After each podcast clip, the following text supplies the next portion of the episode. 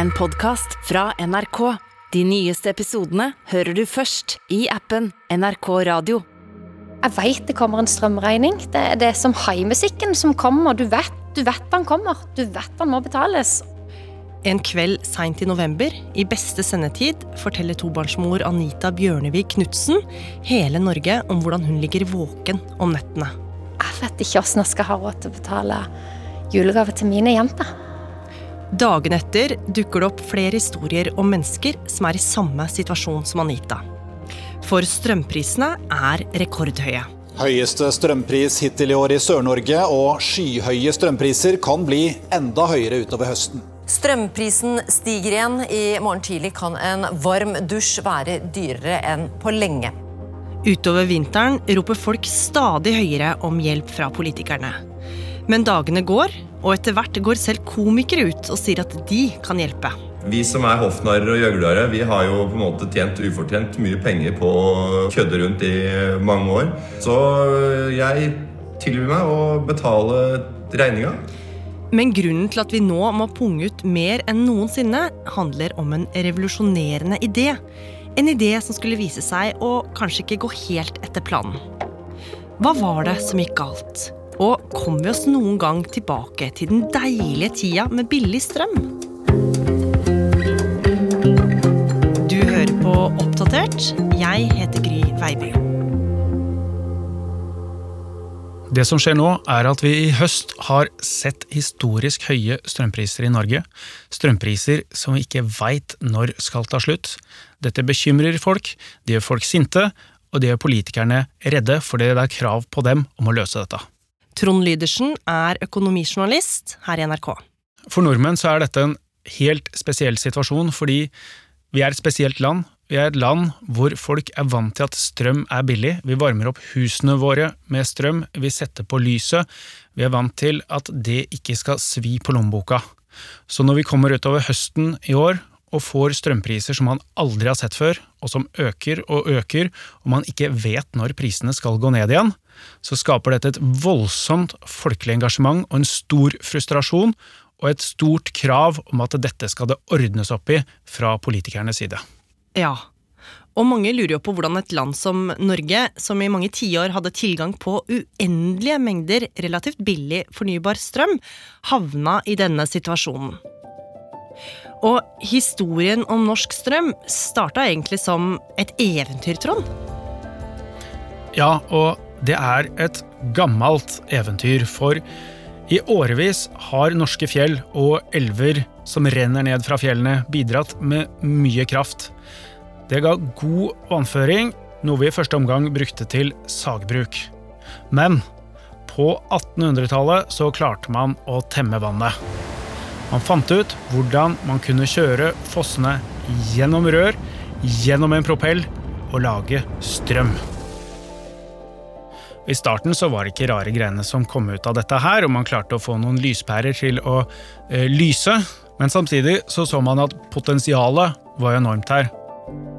Og det var det utlendinger som så også, ikke minst svensker, som forsøkte å kjøpe opp eiendommer med fosser for å ta en stor bit av dette eventyret man trodde var på vei.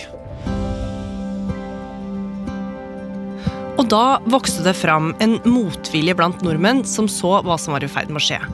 Store utenlandske eiere var i ferd med å sikre seg retten til elver og fosser i flere norske bygder. Men det reagerte flere norske politikere på. Man tar verdiene ut av distriktene og fører dem på tråd ned til industrisentrene og byene. Tømmer bygdene, tømmer landdistriktene, særlig fjellbygdene, får deres verdier uten nederlag, og det er absolutt uriktig. Og politikerne fikk det som de ville. I 1906 vedtok de en helt ny lov, den avgjørende hjemfallsretten. Og med den sikra man at retten over all norsk vannkraft skulle bli tilbakeført til staten, helt gratis, etter en viss periode år. Dermed forsvant interessen fra utlandet. Men planene om utbygging av vannkraft i Norge stoppa ikke opp. Naturen har gitt Lysefjord i Rogaland alle de egenskaper en ekte norsk vestlandsjord skal ha, og nå har menneskene gitt den lys.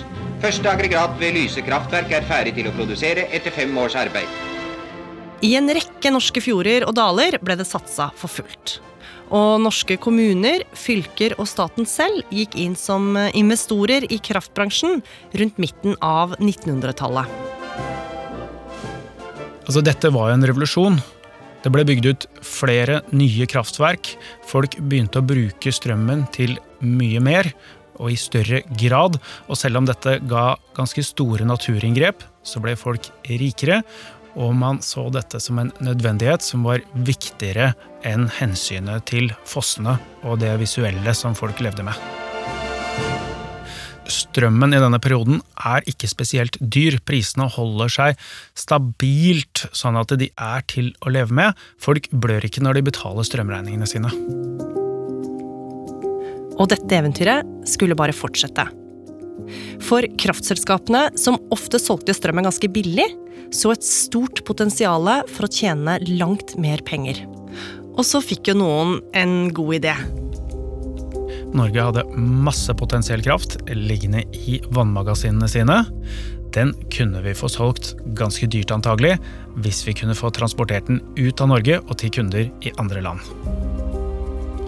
Vi hadde allerede noen kabler til Sverige, de kablene de hadde den funksjonen at de skulle sikre at vi hadde tilgang på kraft i tilfelle det var lite nedbør et år, eller var veldig kaldt, eller andre ting som gjorde at vannkrafta ikke strakk til.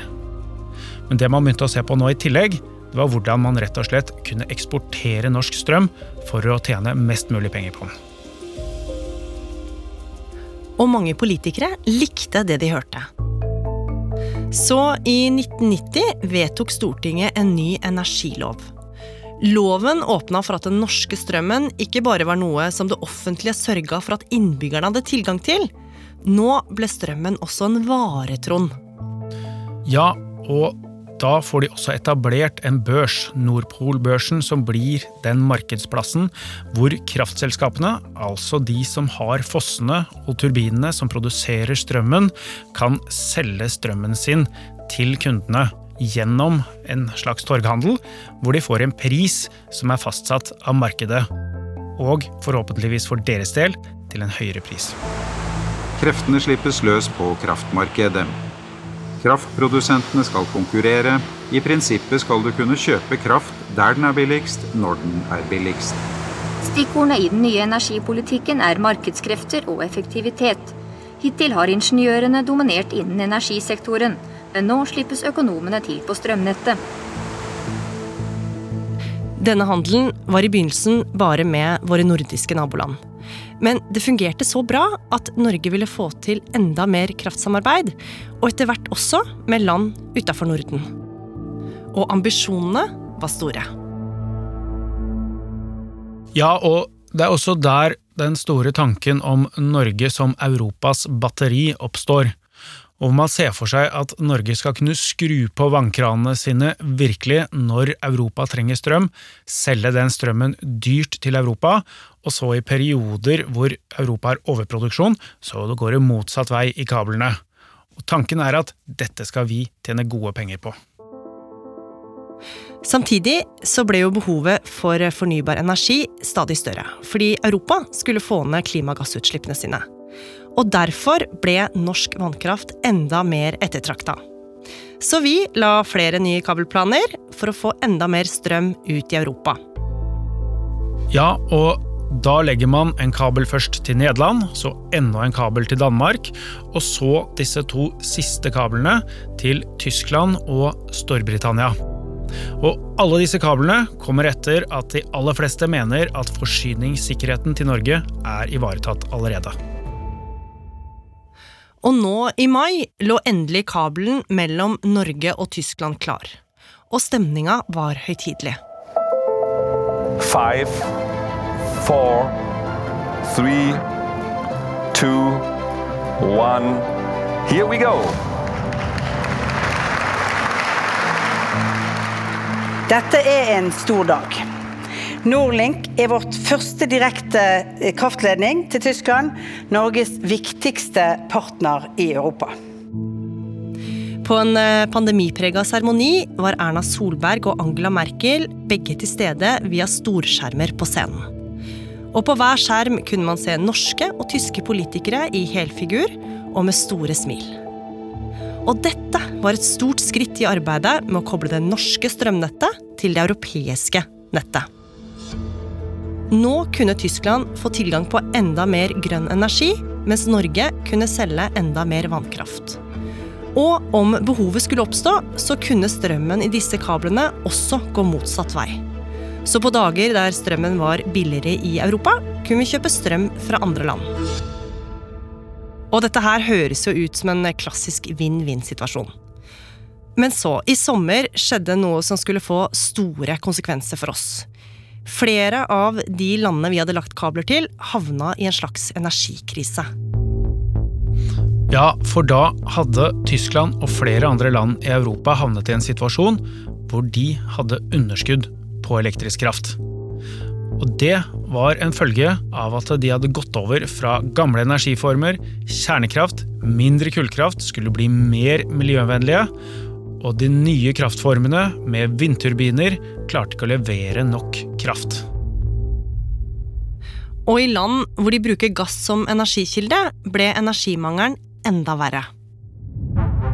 Prisene på gass i Europa har aldri vært så høye som nå. På to dager har prisen for fremtidige leveranser økt med 60% Europa frykter en kald vinter. Energiprisene i Europa har jo blitt sinnssykt mye høyere. Vi har aldri sett tilsvarende priser noen ganger. Så i mange EU-land begynte situasjonen å bli vanskelig.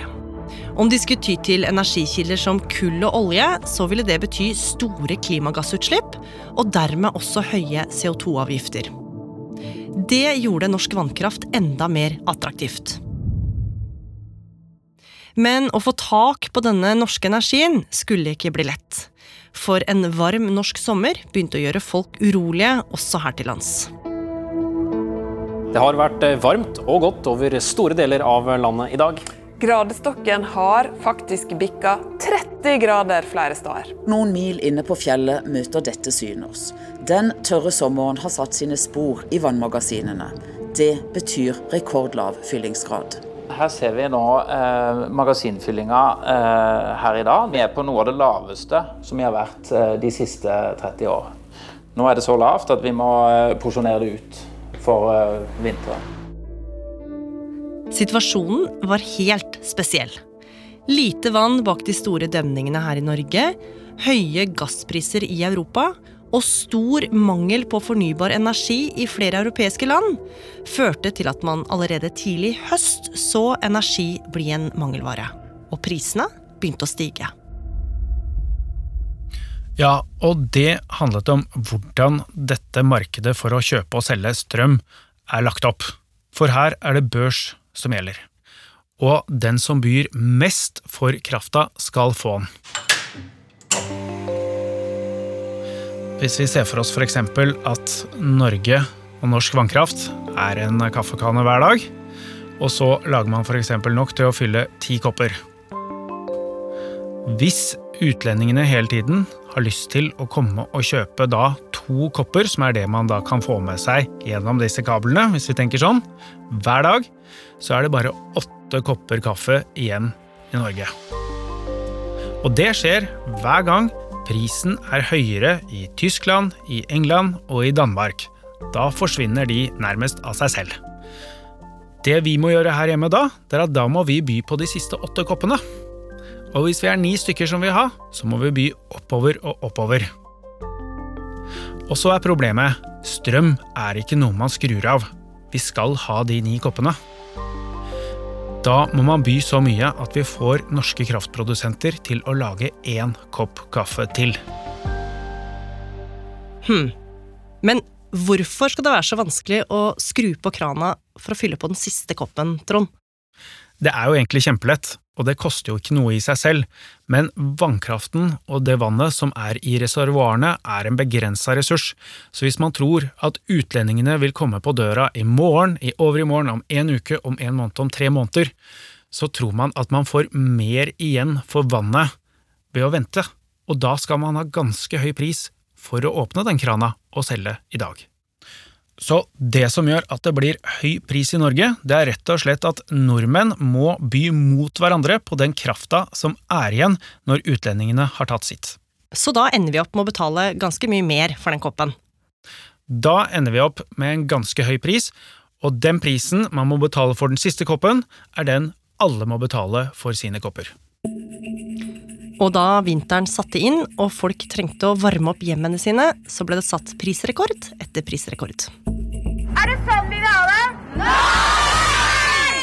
Strømmen har aldri vært dyrere enn den er nå. Det settes eh, nye rekorder omtrent hver dag i et år med uvanlig høye strømpriser. Treng strømstøtte nå! Norske strøm til norske For mange hadde det nå kokt over. Flere var rasende på at Norge håva inn penger på den dyre strømmen, samtidig som strømregningene til vanlige nordmenn vokste. Ja, for den norske staten og kommunene og fylkeskommunene som eier disse kraftselskapene, tjener voldsomt mye penger. Egentlig så har jo meningen vært at man skal tjene en god del, men ikke så mye, på å selge strøm til norske kunder som det man gjør nå. Så misnøyen, den bare vokste og vokste. Stadig flere mente det var helt feil at strømkundene skulle sitte igjen med regninga av at Norge tjente penger på å selge strøm til utlandet. Så de krevde at staten tok grep for å hjelpe dem. Ja, for vi havner egentlig i en ganske flau situasjon, hvor du har en regjering som har gått til valg på at de skal være til for folk flest, og du får folk flest på nakken. Og i denne saken så er det jo penger som betales inn til selskaper som er offentlig eid, og som egentlig da skal være folk flests eiendom. Så politikerne de kjente på presset. Og den 8. desember hadde kommunalminister Bjørn Arild Gram en beskjed til folket. Som et første tiltak for å hjelpe folk med høye strømregninger, så foreslår vi å øke bostøtta kraftig gjennom vinteren. Vi når ut til mange av dem som trenger det aller mest nå raskt. Dette gjør at vi kan nå ut med midler allerede før jul, og vi følger opp eh, gjennom vinteren med månedlige utbetalinger. Og dette var jo en god nyhet for noen. Men mange mente at dette ikke var bra nok, Trond. Ja, og det er fordi at det de kom med da, det var en ordning som traff kanskje rundt en 100 000 husstander. De skulle få 6000 kroner hver til å dekke strømregninga denne vinteren. Men strømopprøret på Facebook alene, det talte nesten en halv million nordmenn. De forventet å få hjelp, de også, og dette er de som definerer seg som vanlige folk, vanlige arbeidsfolk, og de hadde forventninger til regjeringa. Så presset mot regjeringa ga seg ikke. Og partiene i opposisjon kom med kritikk, og mange var utålmodige. Så lørdag 11. desember gikk statsminister Jonas Gahr Støre på talerstolen og lovte milliarder av kroner i strømstøtte. Vi tar sikte på at fra og med neste strømregning så vil husholdningene få et fratrekk i fakturaen og det vil fremgå av fakturaen fra strømselskapene. Og Oppskriften er at staten vil ta halvparten av regninga for det som overstiger en spotpris på 70 øre per kilowattime. Og støtten fra staten kan bety at en familie får flere tusen kroner i rabatt om strømprisene skulle holde seg høye. Og denne strømstøtten skal vare fram til mars neste år. Men det at strømprisene skyter i været, kan jo fort skje igjen, Trond? Ja, og man snakka veldig mye om at dette var en veldig uvanlig situasjon som hadde skjedd i år. Og så etter hvert så ble man litt mer usikre, ettersom disse høye prisene de fortsatte og fortsatte. Og plutselig så sa til og med NVE-sjefen, altså sjefen for vann i Norge, kan vi si, de som har ansvaret både for hvordan strømmen håndteres, bygges opp, markedet og flom. Plutselig begynte han å si at kanskje vi må vente å ha høye priser til langt utpå våren. Og X-faktorene der, de ligger utafor Norge. Da ser vi mot Storbritannia og vi ser mot Tyskland. Når vil disse landene klare å komme i balanse med sin energi, altså at de ikke trenger å hele tiden importere i stor grad energi fra Norge og andre land. Det er en veldig stor X-faktor. I tillegg så skjer jo en liten ting, da. Vi knytter oss jo nesten enda nærmere dem, fordi disse kablene til Storbritannia og Tyskland, de er venta å øke i kapasitet nå neste år. Så Norge blir enda mer knytta til land som i dag har veldig høye priser. Og så tenker man ok, er dette dommedag da, for et Norge som skal få nordmenn som må betale veldig, veldig mye penger for strømmen? Ikke nødvendigvis. Disse pengene går inn i norske offentlige kasser. Klarer man å fordele dette sånn at det ikke er den vanlige husstand, vanlige norske arbeidstaker, arbeidsfolk, folk flest, som betaler hele tiden prisen for at strøm er blitt litt dyrt, så er det ikke sikkert at vi kommer til å lide så fælt for dette likevel. Og Norge som land, hvis vi klarer å fordele, vi blir rikere.